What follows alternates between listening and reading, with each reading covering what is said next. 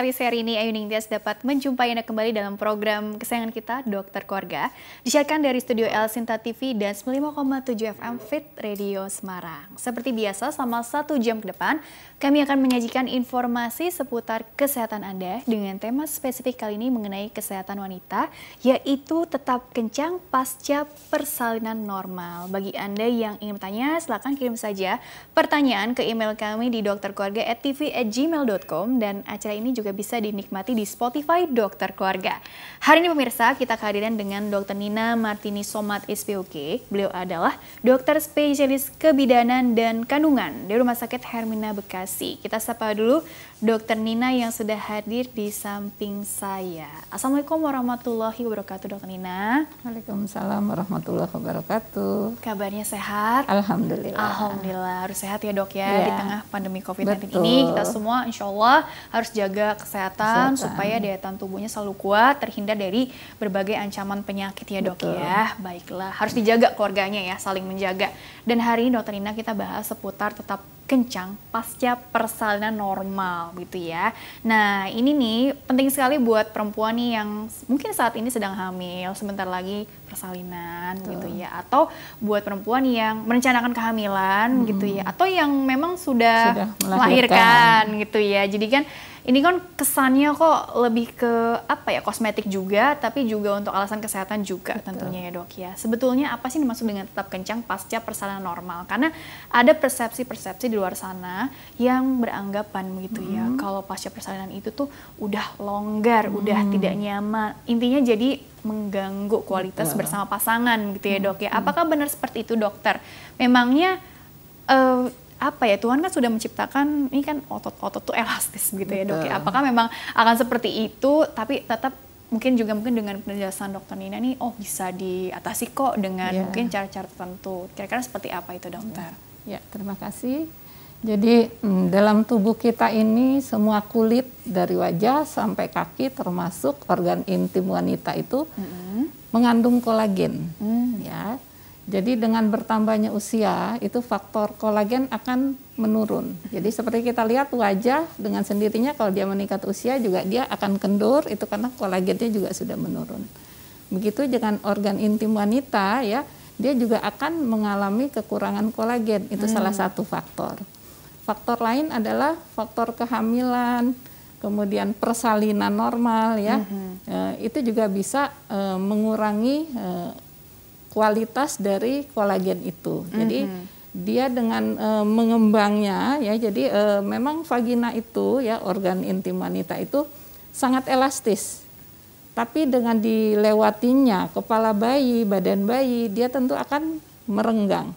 Nah, bisa saja kalau tidak disiapkan dengan baik, dia tidak bisa kembali ke seperti awal. Mm -hmm. Nah, itulah perlunya treatment sebelum hamil, bagaimana hmm. supaya otot-otot itu tetap baik hmm. sehingga walaupun dia melahirkan normal, dia bisa kembali ototnya seperti semula. Bisa kembali ototnya seperti semula, ya. begitu ya, seperti belum melahirkan, begitu ya, ya dok tentu, ya. Tentu hmm. uh, tidak akan 100% hmm. kembali seperti semula. Paling hmm. tidak mendekati. Mendekati ya, ya, insya Allah ya. Usaha ya, namanya usaha, juga. betul. Ikhtiar tadi ya dok ya.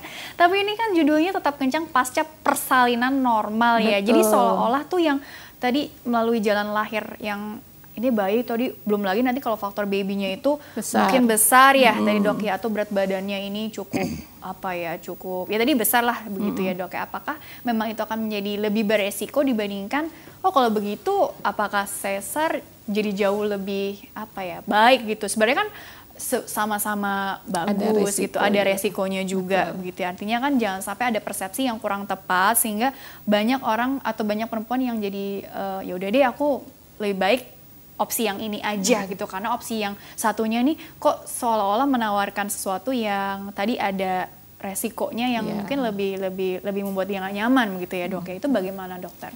Jadi e, dua-duanya kan mempunyai risiko. Hmm. Misalnya lahir sesar bukannya tanpa risiko, memang dia tidak membuat vaginanya akan lebih longgar ya. Tapi dengan kekurangan kolagen, dengan faktor hamil juga bisa membuat e, kendornya vagina tapi ada faktor lain, misalnya perdarahan, resiko operasi itu sendiri kan cukup besar. Mm. Nah, Sementara kalau lahir normal memang tidak bisa dihindari dengan meregangnya dinding-dinding vagina itu, dinding organ intim dengan besarnya bayi. Nah, sekarang pertanyaan bagaimana supaya tetap baik mm. otot-otot itu? Mm -hmm. Nah, tentu dengan uh, kita uh, latihan sebelumnya ya. Jadi bukan hanya setelah melahirkan latihan mm. Kegel itu. Iya, iya. Mungkin sebelum dia hamil, pada saat dia hamil, kemudian sampai dia setelah melahirkan. Uh -huh. Jadi disiapkan. Dengan disiapkan otot-otot itu dengan adanya trauma lewatnya kepala bayi, -huh. dia akan kembali pulihnya uh lebih cepat. Oh, gitu. lebih cepat gitu iya, si otot ini kembali betul. mendekati, mendekati awal normal. gitu. Paling tidak mendekati ya, Dok ya. Iya, memang betul. tidak yang tadi 100% kembali seperti semula betul, gitu. Karena iya. memang terjadi perubahan-perubahan tadi ya iya. dok ya. Memang itu alami ya dok ya seperti iya. itu. Tapi paling nggak tadi dipersiapkan dokter betul. bilang bahkan jauh-jauh hari dari sebelum persalinan itu sendiri begitu iya, ya dok betul. ya. Dengan senam kegel. kegel. Hmm. Tapi begini dokter, tadi ada faktor yang terpenting ada tadi kolagen tadi ya dok ya. Betul. Kolagen itu sendiri kan sebetulnya untuk apa sih dok?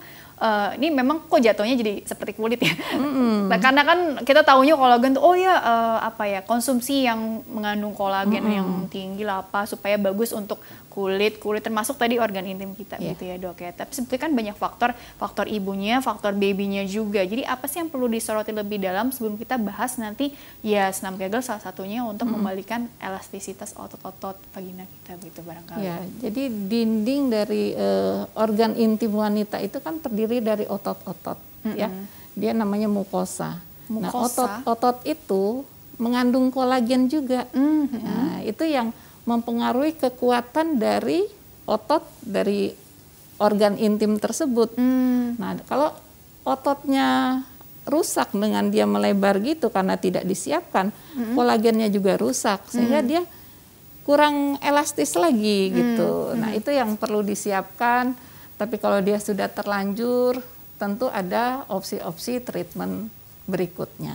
Oh, gitu. seperti apa contohnya? Ini buat tambahan informasi aja sih dok, tambahan ilmu supaya kita dapat gambaran. Oh ternyata siapa tahu udah dicoba tadi senam kegel, hmm. tapi kok masih belum menghasilkan apa ya sesuatu yang menurut dia tuh udah sesuai dengan targetnya. Yeah. Barangkali kan kan memang subjektif ya dok kualitas hmm, hidup betul. orang kan Beda -beda. yang tahu iya maksudnya hmm. udah udah oke okay, atau belumnya kan tergantung dari dia juga ya, gitu ya dok ya itu bagaimana tuh dokter ya jadi ini kita udah membahas kalau sudah terjadi ya mm -hmm, terjadi kalau sudah dulu. terjadi ya memang uh, tindakannya kalau emang dia masih mau coba yang dia lakukan sendiri mungkin kita latih dengan Kegel exercise yang benar mm. nah dokter akan um, me mengajarkan bagaimana cara Kegel exercise yang benar. Kadang-kadang ibu-ibu dia asal kerut aja tapi sebenarnya nggak benar. Hmm, ya, tekniknya jadi, salah. Tekniknya betul. salah betul ya. Kalau tekniknya salah juga dia tidak akan memberikan hasil yang maksimal hmm. gitu. Kemudian pilihan berikutnya kalau dengan Kegel dia masih belum bagus, tentu ada dua opsi. Jadi ada yang operatif maupun non operatif. Sampai operatif juga ya. Hmm. Jadi kalau dia kendor sekali, kemudian misalnya suami sudah mulai mengeluh gitu ya. Nah, itu kan uh, ya itu uh, mungkin salah satu kunci kebahagiaan suami istri mm. ya di hmm. situ. Kadang-kadang ada suami yang terus terang, mm -hmm. tapi ada juga yang tidak ya. Mm. Nah, itu bisa dengan operasi bisa dilakukan pada saat setelah melahirkan mm -hmm. langsung mm -hmm. misalnya atau tiga bulan pasca persalinan mm -hmm. ya itu bisa dilakukan oleh dokter kandungan mm. ya tapi itu tentunya ibu-ibu uh, harus terus terang kepada dokternya maunya apa, keluhannya apa sehingga dokternya juga bisa mentreat yang sesuai dengan keluhannya si pasien ya. Tapi sekarang kan kalau misalnya dioperasi ada masalah juga. Dia Resiko. tidak boleh bukan, kan tidak boleh hubungan 40 hari oh. gitu kan. Mm-hmm. Jadi kan masalah lagi mungkin dengan suaminya habis nifas dulu. Uh, habis nifas ya, uh, banyak sekali gitu ya tadi ditahannya gitu. Puasanya kelamaan. Puasanya kelamaan. Nah, gitu. sekarang ada uh, opsi lain hmm. adalah uh, non operatif hmm. gitu. Non operatif yang uh, mungkin lebih uh, ringan ya hmm. tindakannya. Jadi hanya sebentar tindakan dan tidak boleh berhubungan suami istri cukup lima hari hmm. gitu itu adalah opsi-opsinya Jadi sebetulnya ya nggak usah takut lahir normal karena ada jalan keluarnya kayak mm -hmm. gitu ya. Cuma memang e, masalah besar bayi itu sangat mempengaruhi ya. Kalau dia besar pasti kerusakan ototnya akan lebih besar. Jadi kan kalau belum lagi yang waktu tekanannya. Iya, waduh. dengan hmm. ngeden, misalnya iya. ada bidan yang pakai didorong-dorong, iya. itu kan akan merusak juga uh, otot-otot itu. Jadi disarankan memang sekitar 3 kilo. Kalau dia sudah sampai tiga setengah empat kilo, hmm. walaupun dia bisa lahir normal, sebaiknya hmm. jangan karena akan merusak otot-ototnya. Belum lagi bukan hanya otot liangnya saja, uh -uh. tapi penyangganya juga rusak. Sehingga kalau jangka panjang, uh -uh. misalnya dia sudah tua, ya udah menopause, kadang-kadang itu yang disebut turun peranakan. Oh. Ya, turun peranakan yang kita sebutnya prolaps uteri. Nah, itu banyak sekarang kasus-kasus yang datang ke saya, prolaps uteri itu saya tanyakan lagi, ternyata memang bayinya besar, hmm. kemudian dia pola hidupnya dia sering ngangkat-ngangkat oh, itu juga sangat mempengaruhi. Iya, betul. ya.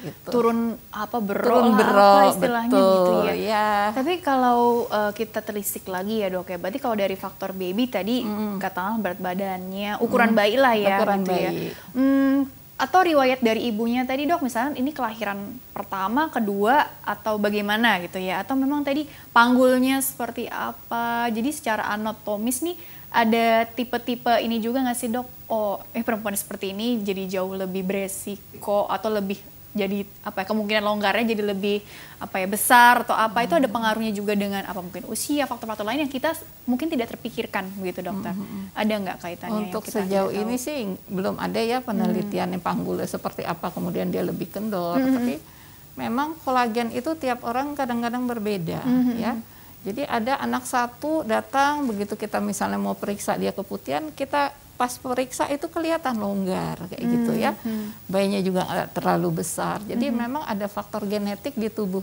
pasien itu sendiri gitu loh.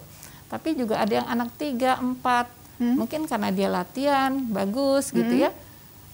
Uh, liang kemaluannya itu tetap bagus, tetap kuat. Iya, exercise gitu ya. rutin. Jadi mungkin ada juga yang genetik hmm. genetik jadi emang bawaan dia kolagennya uh, lebih cepat rusak -hmm. atau jumlahnya cepat menurun kan kita bisa lihat kadang-kadang di wajah orang dia masih muda tapi kok kendur oh. gitu kan gitu nah misalnya contohnya seperti Contoh -contoh, itu iya. gitu loh oke okay, oke okay. atau mungkin sebenarnya kalau exercise tadi nggak hanya senam kegel ya kan makin ke sini kan makin ngetren tuh yoga khusus begitu ya dok untuk atau mungkin olahraga apa bersepeda gitu barangkali hmm. uh, artinya ada pengaruhnya juga nggak sih untuk masalah atau area intim kita gitu, kalau gitu, olahraga yang lain ya itu secara keseluruhan kan mempengaruhi seluruh tubuh mm. tidak uh, fokus ke arah organ wanita mm -hmm. tapi kalau yang untuk khusus organ wanita mungkin ya itu kegel dan ada yoga khusus mm -hmm. untuk uh, ini iya kan sekarang ya. macam-macam ya iya betul oke nah tapi berarti kalau seputar kolagen kan memang ada pengaruhnya tadi kan bawaan masing-masing orang mm -hmm. tapi berarti kualitas atau kebiasaan apa ya kita bilang lifestyle lah. Lifestyle tadi kan dokter bilang oh mengangkat barang berat gitu ya. Atau mungkin dari pola makan yang seperti apa yang ternyata mempengaruhi produksi kolagen kita gitu ya dok ya. Atau kebiasaan buruk apa yang jadi justru jadi mencuri kolagen itu sendiri. Barangkali ada istilah seperti itu ya.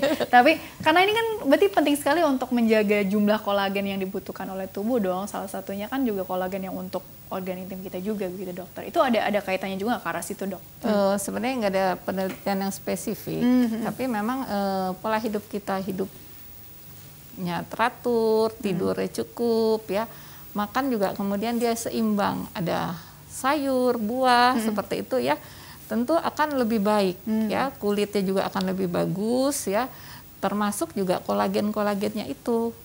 Nah, sekarang ada beberapa minuman kolagen iya. yang memang eh, kita dari di medis ini tidak melakukan penelitian khusus ya atau belum ada kali ya iya hmm. tapi ada uh, pengalaman dari teman saya yang dokter uh, spesialis kulit ya hmm. dia memberikan uh, minuman kolagen hmm. pada pasiennya tujuannya adalah untuk mukanya ya, hmm. ya supaya lebih cerah kayak gitu ya hmm. tapi ternyata pasien-pasien itu juga merasakan organ intimnya juga jadi lebih baik lebih kekuatannya kencang. iya betul Wah ternyata sambil menyelam minum air juga dong. Iya, Manfaatnya banyak ya dok ya. betul. Oke menarik ya. Tapi dokter untuk lebih detailnya lagi kita tahan dulu karena harus jeda nih baru nanti dilanjutkan lagi di segmen selanjutnya ya dok betul, ya. Silakan. Oke baiklah pemirsa jangan ke mana-mana tetaplah bersama kami. Kami akan kembali sesaat lagi.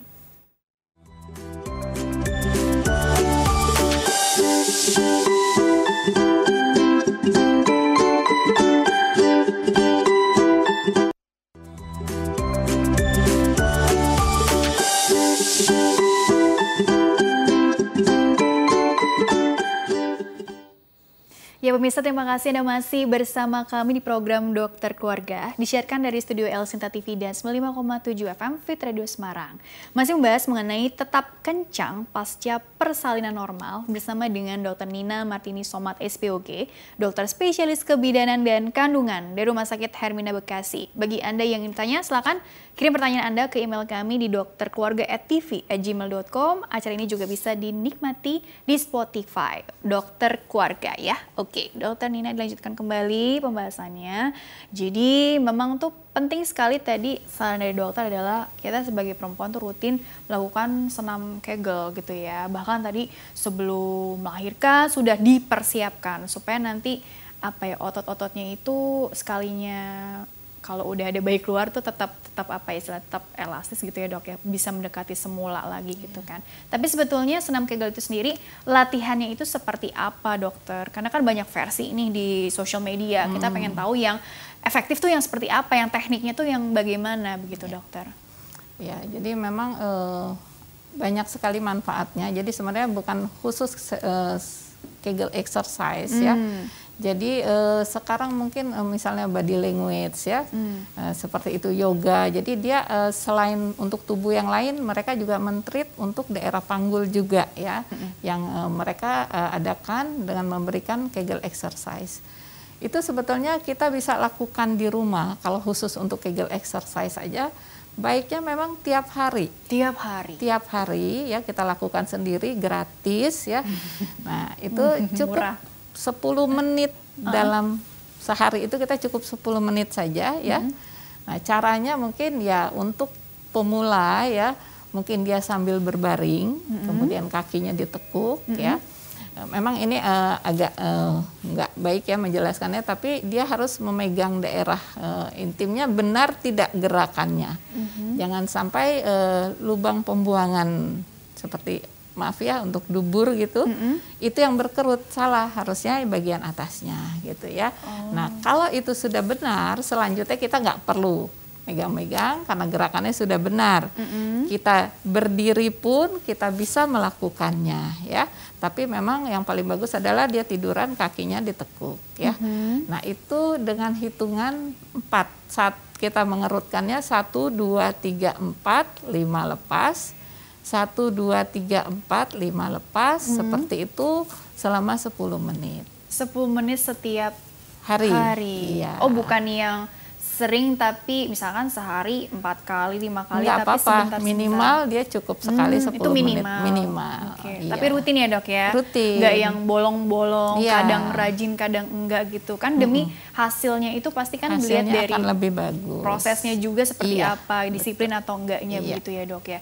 mungkin kalau yang kurang mendapat gambaran seperti apa sih senam kegel itu bisa dicari-cari juga di internet dengan sumber-sumber yang mungkin terpercaya juga ya dok ya iya. yang artinya bisa dilihat teknik yang benar itu seperti apa, yang instruksinya juga seperti apa, iya, begitu uh -uh. ya dok ya. Intinya seperti itu. Artinya nggak hanya senam kegel, tapi bisa yoga, bisa kegiatan olahraga. Intinya kan ada juga nih, ada squat gitu ya. ya Kalau kita lihat juga bisa. Itu juga bagus bisa, juga ya, dok, ya, ya. Karena dia kan untuk memperkuat otot panggul mm -hmm. kayak gitu. Pokoknya intinya adalah memperkuat otot panggul, mm -hmm. termasuk otot-otot liang vagina itu. Gitu. Oh, kalau ada nggak dok kebiasaan yang bisa kita latih dari hal simple setiap harinya? Misalnya kan ada yang bilang oh saat maaf buang air kecil ya berkemih gitu ya. Katanya oh ditahan dulu sampai berapa detik terus nanti baru dikeluarkan gitu ya. Itu katanya juga secara langsung secara alami bisa ini dok ya, melatih kan, otot dok. benar kan sebenarnya kan gerakan-gerakannya sama juga kan dia menahan. Iya sama ya sama tadi ya.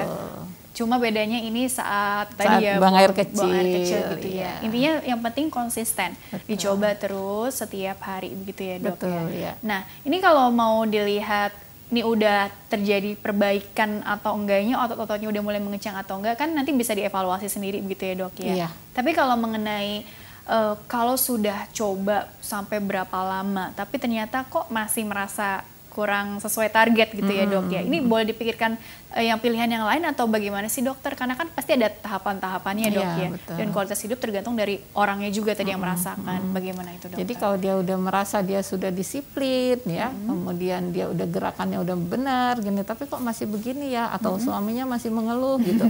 pasangan iya, ya? Iya pasangan. Jadi tentu dia harus konsultasi ke dokter. Hmm. Nah beberapa dokter akan memeriksa dengan alat yang namanya perineometer. Hmm. Ya, itu kita bisa melihat kekuatan okay. otot e, dari otot liang vagina tersebut. Kalau ternyata masih lemah dengan dia sudah latihan Kegel itu, ya mau nggak mau kita naik ke tahap berikutnya, hmm. treatment yang lainnya gitu. Oke, biasanya tadi yang dengan opera operatif Operasi, begitu ya, ya, operatif atau non operatif. Oh, gitu. Nah, kalau yang non operatif tadi kan lebih ke exercise dan modifikasi oh, lifestyle atau bagaimana, Dok? Bukan. Kalau hmm. operatif kan jelas ya uh, ada pembedahan hmm. ya, dia harus dirawat. Hmm. Tapi yang non operatif sekarang itu yang disebut laser. Dengan oh. laser itu bisa laser atau pakai radiofrekuensi uh -uh. kayak gitu. Itu bisa untuk merangsang pembentukan kolagen-kolagen hmm, yang baru. Itu gitu. di dokter spesialis? Uh, spesialis uh, kebidanan dan kandungan ada beberapa yang, yang melakukan mendalami khusus, yang mendalami ya. khusus. Oh gitu. begitu ya. Oh menarik ya. Jadi ada ya laser juga tadi untuk ya. merangsang produksi kolagennya Betul. itu gitu ya. Walaupun bukannya tubuh ini akan memproduksi kolagen juga walaupun uh, mungkin jumlahnya itu tidak tidak banyak begitu ya dok ya. Jadi ini dirangsang supaya jadi jauh lebih banyak produksinya. Iya, karena dia kan sudah ya. terlanjur rusak. Hmm. Nah, jadi untuk merangsang terbentuknya kolagen yang baru. Jadi istilahnya kalau sakit tuh recovery-nya jadi jauh lebih cepat iya, lah betul. gitu ya maksudnya. Oh gitu. Jadi yang non operatif dengan laser, kalau yang operatif ini yang baru ke bagian bedah ya dok, dirujuk hmm. lagi biasanya tim siapa Tetap, aja yang terlibat dok? Itu dokter kandungan oh, juga. juga. Iya. Oh, kira aku ke dokter spesialis apa beda plastik oh, gitu enggak. kan kosmetik gitu enggak ya dok ya? enggak. Hmm, jadi tetap di objin juga Oke, ini aku baru tahu loh. Terus jadi kan seperti itu ya dok yang mengenai treatment tadi, hmm. intinya diperiksa dulu dipastikan ini seberapa kendur sih istilahnya Betul, seperti ya. itu. Dan nanti dokter pasti akan menyarankan ini opsi-opsi yang mana dulu nih yang yeah. patut dicoba. Evaluasinya berapa berapa minggu atau berapa bulan dok biasanya dokter? Untuk nanti uh, iya hasilnya ini udah sesuai dengan yang diinginkan atau belum? Biasanya sih dia kita sarankan tiga bulan dengan latihan yang teratur mm -hmm. ya dia kembali lagi mm -hmm. kita ukur lagi mm -hmm. dengan periometer itu kalau ternyata mm -hmm. tidak ada perubahan atau hanya sedikit mm -hmm. tapi dia juga masih belum puas mm -hmm. ya berarti kita harus tawarkan opsi berikutnya. Oke, berarti juga tadi termasuk saran-saran untuk uh, modifikasi lifestyle juga ya dok ya. Iya. Misalnya tadi jangan mengangkat barang yang terlalu berat, iya, posisinya diperhatikan, atau mungkin yang menggendong bayi, bayi atau menggendong iya. macam-macam kan ya, mm-hmm. anaknya banyak yang perlu diurus itu, jadi macam-macam ya dok. Yang penting sebetulnya perlu diperhatikan lagi apa aja sih yang bisa dikonsultasikan bersama gitu ya dok iya. ya. Nah dokter mengenai, oke okay, kita masuk pertanyaan email dulu ya, baru iya. nanti mungkin dibahas lebih detail lagi ke materi lagi ya dok ya. Ini karena ada dua pertanyaan dari email yang juga hmm, cukup menarik nanti bisa dokter beri tanggapan ya terkait dengan tema ini atau tidak nanti dokter bisa beri penjelasan lebih detail lagi ya. Jadi bagi pemirsa yang ingin bertanya via email silahkan kirim saja pertanyaan ke email kami dokterkeluarga@tv@gmail.com dengan format di bawah ini, nama, usia Anda atau usia pasien yang ditanyakan serta tempat tinggalnya. Pertanyaan pertama ini dari Ibu Ratna, Ratna M, dari Jakarta Selatan, usianya 25 tahun. Masih muda ya dok ya? Yeah. Halo dok, saya ingin bertanya, saya sejak pasca persalinan tahun 2019 lalu, setelah itu kan saya keluar darah nifas. Tapi setelahnya, saya tidak pernah haid lagi dok, sampai anak saya sekarang anak umur satu tahun. Itu kenapa ya?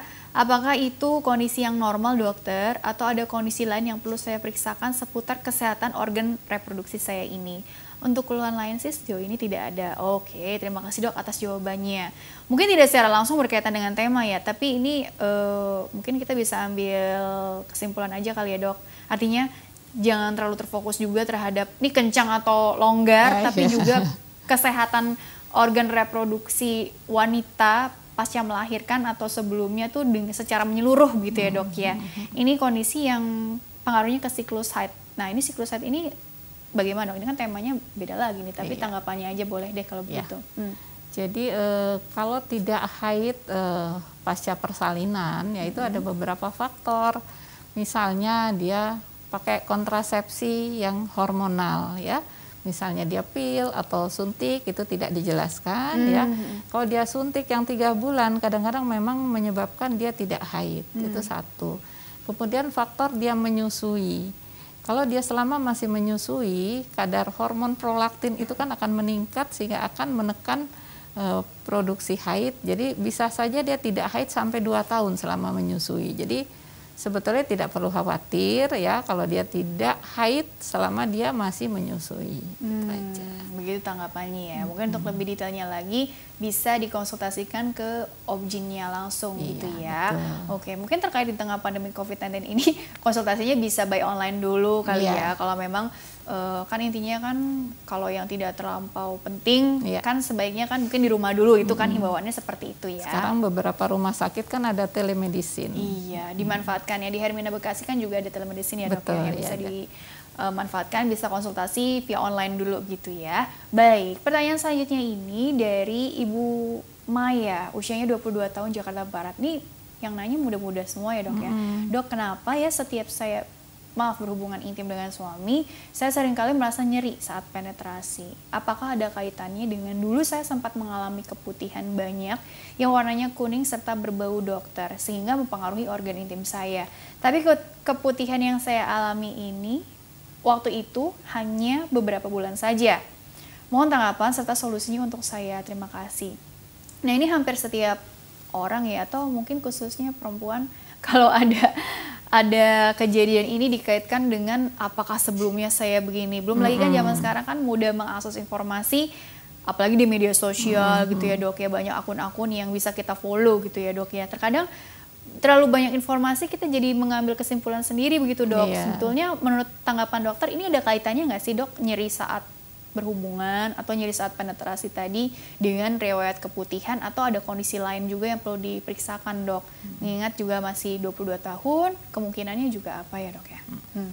Ini nona atau nyonya ya? No, tidak dijelaskan ya. nah, ya. Suami, suami, suami, berarti nyonya ya. dong. Hmm. Jadi sebetulnya banyak faktor ya dia yang menyebabkan nyeri saat uh, senggama ya. Hmm. Salah satu adalah mungkin uh, infeksi ya, infeksi, keputihan. Sekarang dia sembuh atau enggak kita nggak tahu, hmm. tapi tentu perlu diperiksakan ke dokter. Ada faktor apa di di liang kemaluan itu? Hmm Kemudian kedua adalah faktor lubrikasi ya. Hmm. Jadi bisa saja si istri belum siap, suaminya sudah melakukan penetrasi itu yang menyebabkan nyeri hmm. ya atau si istri juga belum siap ada ada pikiran sehingga dia tidak bisa uh, rileks itu juga akan menyebabkan nyeri. Jadi belum siap secara psikologis gitu atau secara eh macam-macam ya macam-macam ya belum siap. Belum siap, siap itu ya ya, ya. Siap ya maksudnya jadi uh, sebenarnya itu uh, harus dikonsultasikan ke dokter dan diperiksa. Apakah hmm. memang kita kan bisa lihat ke dalam itu hmm. liang itu apakah emang ada infeksi itu pasti akan menyebabkan rasa nyeri kalau hmm. ada infeksi hmm. gitu. Oh, ini kan usianya masih 22 tahun ya. Apa mungkin kalau usia juga akan mempengaruhi kemungkinan-kemungkinan yang lain, Dok? Misalnya kalau nyeri apakah tanda penyakit yang serius gitu ya dok ya. hmm. Tapi ini kayak jauh ya dok ya dari yang serius itu ya. Lebih ke yang tadi dokter paparkan hmm, sebelumnya betul. ya. Jadi memang ada baiknya dikonsultasikan dulu lagi. Boleh manfaatkan tadi telemedicine ini ya di tengah pandemi COVID-19 ini ya dok ya. Oke, okay, ya. kurang lebih seperti itu ya. Uh, dokter kembali lagi kita ke materi ya dok ya. Tadi menarik sih aku ingin dokter lebih menerangkan lagi mengenai pilihan treatment gitu ya. Tadi kan oke lah dikasih exercise dicoba dulu bu dengan gaya hidup sehatnya juga hmm. terus juga yang tadi kita coba treatment kalau yang operatif ini artinya pertimbangannya juga apa dok? Apakah setiap perempuan bisa gitu dok eh, melakukan tindakan yang uh, tadi operatif tadi atau dilihat-lihat dulu kasusnya kalau yang seperti ini sebaiknya oh senam kegel aja dulu bu gitu ya atau mungkin oh ya kalau memang begini oh ya udah deh evaluasinya ternyata bisa yang mana nih non operatif atau yang operatif itu juga dilihatnya dari mana dok? Artinya kan ada yang laser, ada yang tadi mungkin ada yang dulu bilang dijahit lah apa, ada yang dengan tindakan ini. Jadi banyak opsi tergantung dari kondisi apa sih dok biasanya? Jadi kalau pasien sudah mengeluh, biasanya hmm. yang pertama kita sarankan adalah Kegel exercise mm -hmm. ya. Tapi kalau dia tidak ada peningkatan kekuatan ototnya itu mm -hmm. dalam tiga bulan dengan dia latihan sudah teratur, mm -hmm. Kita tawarkan itu adalah pilihan, pilihan baiknya ya? sama mau operatif atau non operatif. Mm -hmm. Tapi sekarang kalau dulu sebelum ada tindakan yang non operatif seperti laser, pilihannya adalah operasi. Jadi hmm. banyak pasien datang adalah ya dok minta dikencengin, ya udah hmm. kita operasi langsung pilihannya. Hmm. Kalau sekarang kita tawarkan mau yang mana, hmm. gitu kan? Kalau ini berarti kan ibu harus dirawat dan tidak boleh hubungan selama satu bulan. Hmm, dirawatnya berapa hari sih dok? Rawat sih paling satu hari sih. Oh, ya. tapi yang pascanya itu yang pascanya uh, itu. puasa dulu ya, gitu ya. gitu. Atau pilihan berikutnya adalah yang non operatif jadi pasien juga kan bisa rawat jalan mm -hmm. ya. Tindakannya juga paling 10 menit ya. Tidak sakit dan dia langsung pulang. Bisa melakukan tidak sakit aktivitas ya? tidak hmm. sakit. Jadi hanya tidak boleh hubungan lima hari hmm. gitu. Dan sekarang pasien lebih memilih yang non operatif. Yang laser tadi. Laser, ya betul. Itu sekali tindakan atau It, perlu berulang, berulang. gitu? itu dilakukan untuk uh, hasil yang maksimal itu biasanya tiga kali dengan jeda satu bulan tiga kali dengan jeda satu bulan. Oh ya, jadi maksudnya jadi sebulan di, sekali, diulang bulan lagi, depan diulang hmm, lagi. Gitu. Gitu ya. Artinya kan memang tidak sakit ya. -hmm. uh, tapi bukannya bagaimana ya dok? Kayak ada ada kontraindikasi nggak? Misalnya ya apa ya kondisi di vagina tuh, misalnya ada varises gitu ya, boleh nggak? Justru justru malah sekaligus gitu buat meminimalisir apa ya secara kosmetik juga atau mengurangi nyeri juga barangkali hmm. gitu ya bisa sekalian juga nggak sih atau mungkin jadi hmm. kalau laser ini ya syaratnya tadi kontraindikasi ya kita harus yakinkan itu dinding dari liang vagina itu normal dan uh -huh. mulut leher rahimnya itu normal. Jadi biasanya sebelumnya kita harus pap smear dulu. Oh, gitu. tetap ada rangkaian pemeriksaan iya, dulu, betul. memenuhi syarat atau enggak iya, gitu kalau ya. Kalau dia ternyata ada kanker hmm. serviks tentu kita tidak lakukan kayak gitu ya. Misal dia ada infeksi, hmm. ya kita obatin dulu sebelum kita lakukan laser ini. Iya, gitu. tetap lah ya dok ya. Iya. Intinya iya. kalau ada kondisi yang menyulitkan hmm. atau jadi intinya ya memang harus di treatment dulu Betul. gitu ya dok ya di treat dulu sampai tuntas hmm, baru, baru memikirkan yang yeah. ini gitu ya dok uh ya atau ada kontraindikasi lain nggak misalnya oh pada saat mau tindakan kan biasa gitu nih kalau kita mau misalkan mau cabut gigi, eh terus tiba-tiba pusing, ditunda dulu deh gitu kan. Orang kan sering dengar seperti itu ya kasusnya. Kalau ini bagaimana dok? Kondisi seperti mungkin ya tekanan darah tinggi, gula darah itu oh, standar itu pemeriksaan nggak? Nggak itu nggak. Hmm, gitu ya. Ininya tadi cuma hal-hal yang di pap smear dulu hmm, untuk dicari tahu nih kondisinya. hanya setempat aja di situ ada Lokal masalah itu aja. Iya. Begitu ya, Dok ya. Terus juga pasanya itu tadi selain barangkali uh, puasa dulu berhubungannya, ada hal lain nggak yang perlu diperhatikan? Siapa tahu gitu ya, ada yang kok nyeri ya gitu ya hmm. atau mungkin apa apa ngilu-ngilu di pikiran gitu namanya kan kan kan namanya sesuatu yang baru buat dia barangkali ya. Jadi untuk mengurangi itu mungkin gak sih dokter meresepkan apa obat atau mungkin ya udah deh kita juga bagus juga nih uh, tadi suplemen kolagen juga masuk juga nih ke dalam bagian dari treatment juga gitu ya siapa tahu juga akan sangat membantu gitu ya suportif sifatnya jadi hmm. evaluasinya juga bagaimana tambahan-tambahan lainnya. Hmm. Jadi yang perlu dijelaskan adalah selain tidak boleh hubungan itu hmm. adalah dia akan uh, keluar cairan selama cairan ya keluar cairan bening ya itu selama lima hari maksimal kadang-kadang pasien ada hanya dua hari tiga hari sudah enak tapi itu tidak nyeri hmm, hmm. tidak nyeri cuma kita jelaskan aja kalau nggak dijelaskan dia kan takut keluar cairannya itu agak apa, banyak putihan iya. atau apa begitu jadi kan? sebenarnya kayak di muka pun kalau di laser kan ada rasa perih karena hmm. kan dirusak dulu nih jaringan supaya timbul kolagen yang Istilahnya baru. begitu ya. Betul. Mau dirangsang tapi di dilukain dulu di, dilukai ya. dulu. Uh, dilukai. Lukai ya. Ini istilah aja gitu, kok. Ya. Tapi bukan berarti yang nyeri-nyeri nyeri banget enggak, gitu kan. Enggak, karena dia bisa aktivitas uh, biasa aja. Ya. Tapi sekali tindakan berapa lama, Dok? Berapa menit? 10 menit sebentar sebentar iya. itu gitu ya, iya. ya dok ya yang penting tadi pasca pasanya yang perlu diperhatikan ya tapi kalau untuk obat tambahan untuk mengurangi Nggak perlu selama ini kita tidak perlu memberikan atau mungkin dari pemilihan maaf dok eh, pakaian dan terus juga mengelola kebersihan secara umum itu pengaruh juga nggak artinya gini kan oh jangan pakai pakaian yang mungkin terlalu ketat dulu atau apa itu itu itu ngaruh nggak sih atau sebenarnya enggak sih itu cuma dikait-kaitin aja orang ya. gitu kan supaya itu sih nggak ada nggak ada hubungannya ya hmm. jadi dia pokoknya pokoknya uh, dia berpakaian seperti dia biasa uh, aktivitas seperti biasa mm -hmm. itu aja. Oh gitu ya, artinya nggak yang ribet-ribet lah ya. Betul. Malah tadi sekarang banyak yang memilih yang non operatif tadi ya dok ya. ya. Oke, baiklah dokter. Kita jeda dulu sebentar, nanti ya. dilanjutkan kembali di segmen terakhir ya dok ya. Baiklah pemirsa, jangan ke mana-mana, tetaplah bersama kami. Kami akan kembali setelah pesan-pesan berikut ini.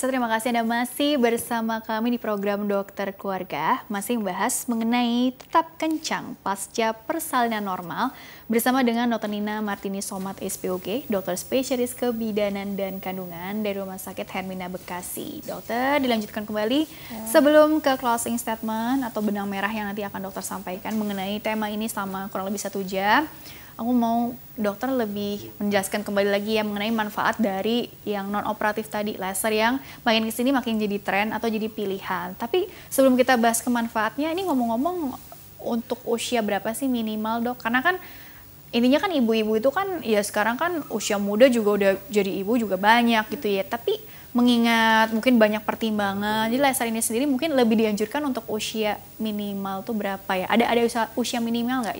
Uh, jadi tergantung apakah dia sudah melahirkan atau belum. Hmm. Tapi kalau dia usianya misalnya di bawah 30 tapi dia sudah pernah melahirkan normal dan dia ada keluhan. Hmm. Kemudian kita periksa dengan perineometer ternyata memang dia kendor, hmm. ya memang ada indikasi. Okay. Tapi kalau dia datang umur 25 tahun belum pernah melahirkan rasanya tidak perlu. Okay. Jadi kita juga uh, secara objektif juga meriksa nggak semua yang datang mau kita lakukan. Riwayat melahirkannya ini ya, yang perlu betul, diperhatikan. Ya. Artinya usia tuh uh, apa ya?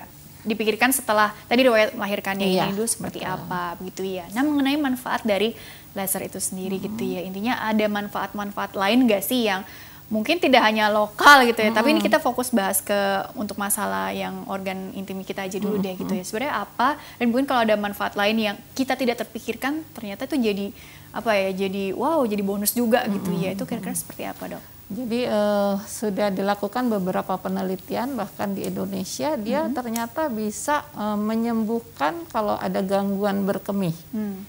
Misalnya kalau sekarang ini kan misalnya dia uh, udah pernah melahirkan ya, kemudian dia batuk, kemudian ada keluar sedikit oh, iya, kencingnya iya ya. gitu ya, hmm. atau dia lari-lari keluar kencing itu namanya kalau di medis inkontinensia urin. Tidak ya. bisa menahan. Tidak bisa menahan kencingnya hmm. ya. Itu ternyata bisa uh, dengan laser ini bisa uh, mengurangi keluhan itu bahkan menyembuhkan. Hmm, ya. Menyembuhkan bahkan. Menyembuhkan ya. Walau. Jadi Profesor uh, Budi Iman Santoso hmm. di RSCM sudah melakukan penelitian ini dan ternyata bermanfaat sekali hmm. untuk mengurangi keluhan inkontinensia ini. Waduh, alhamdulillah gitu, dong ya. Iya. Jadi, jadi selain kencang gejala, juga gejala itu juga hilang. Intinya apa ya?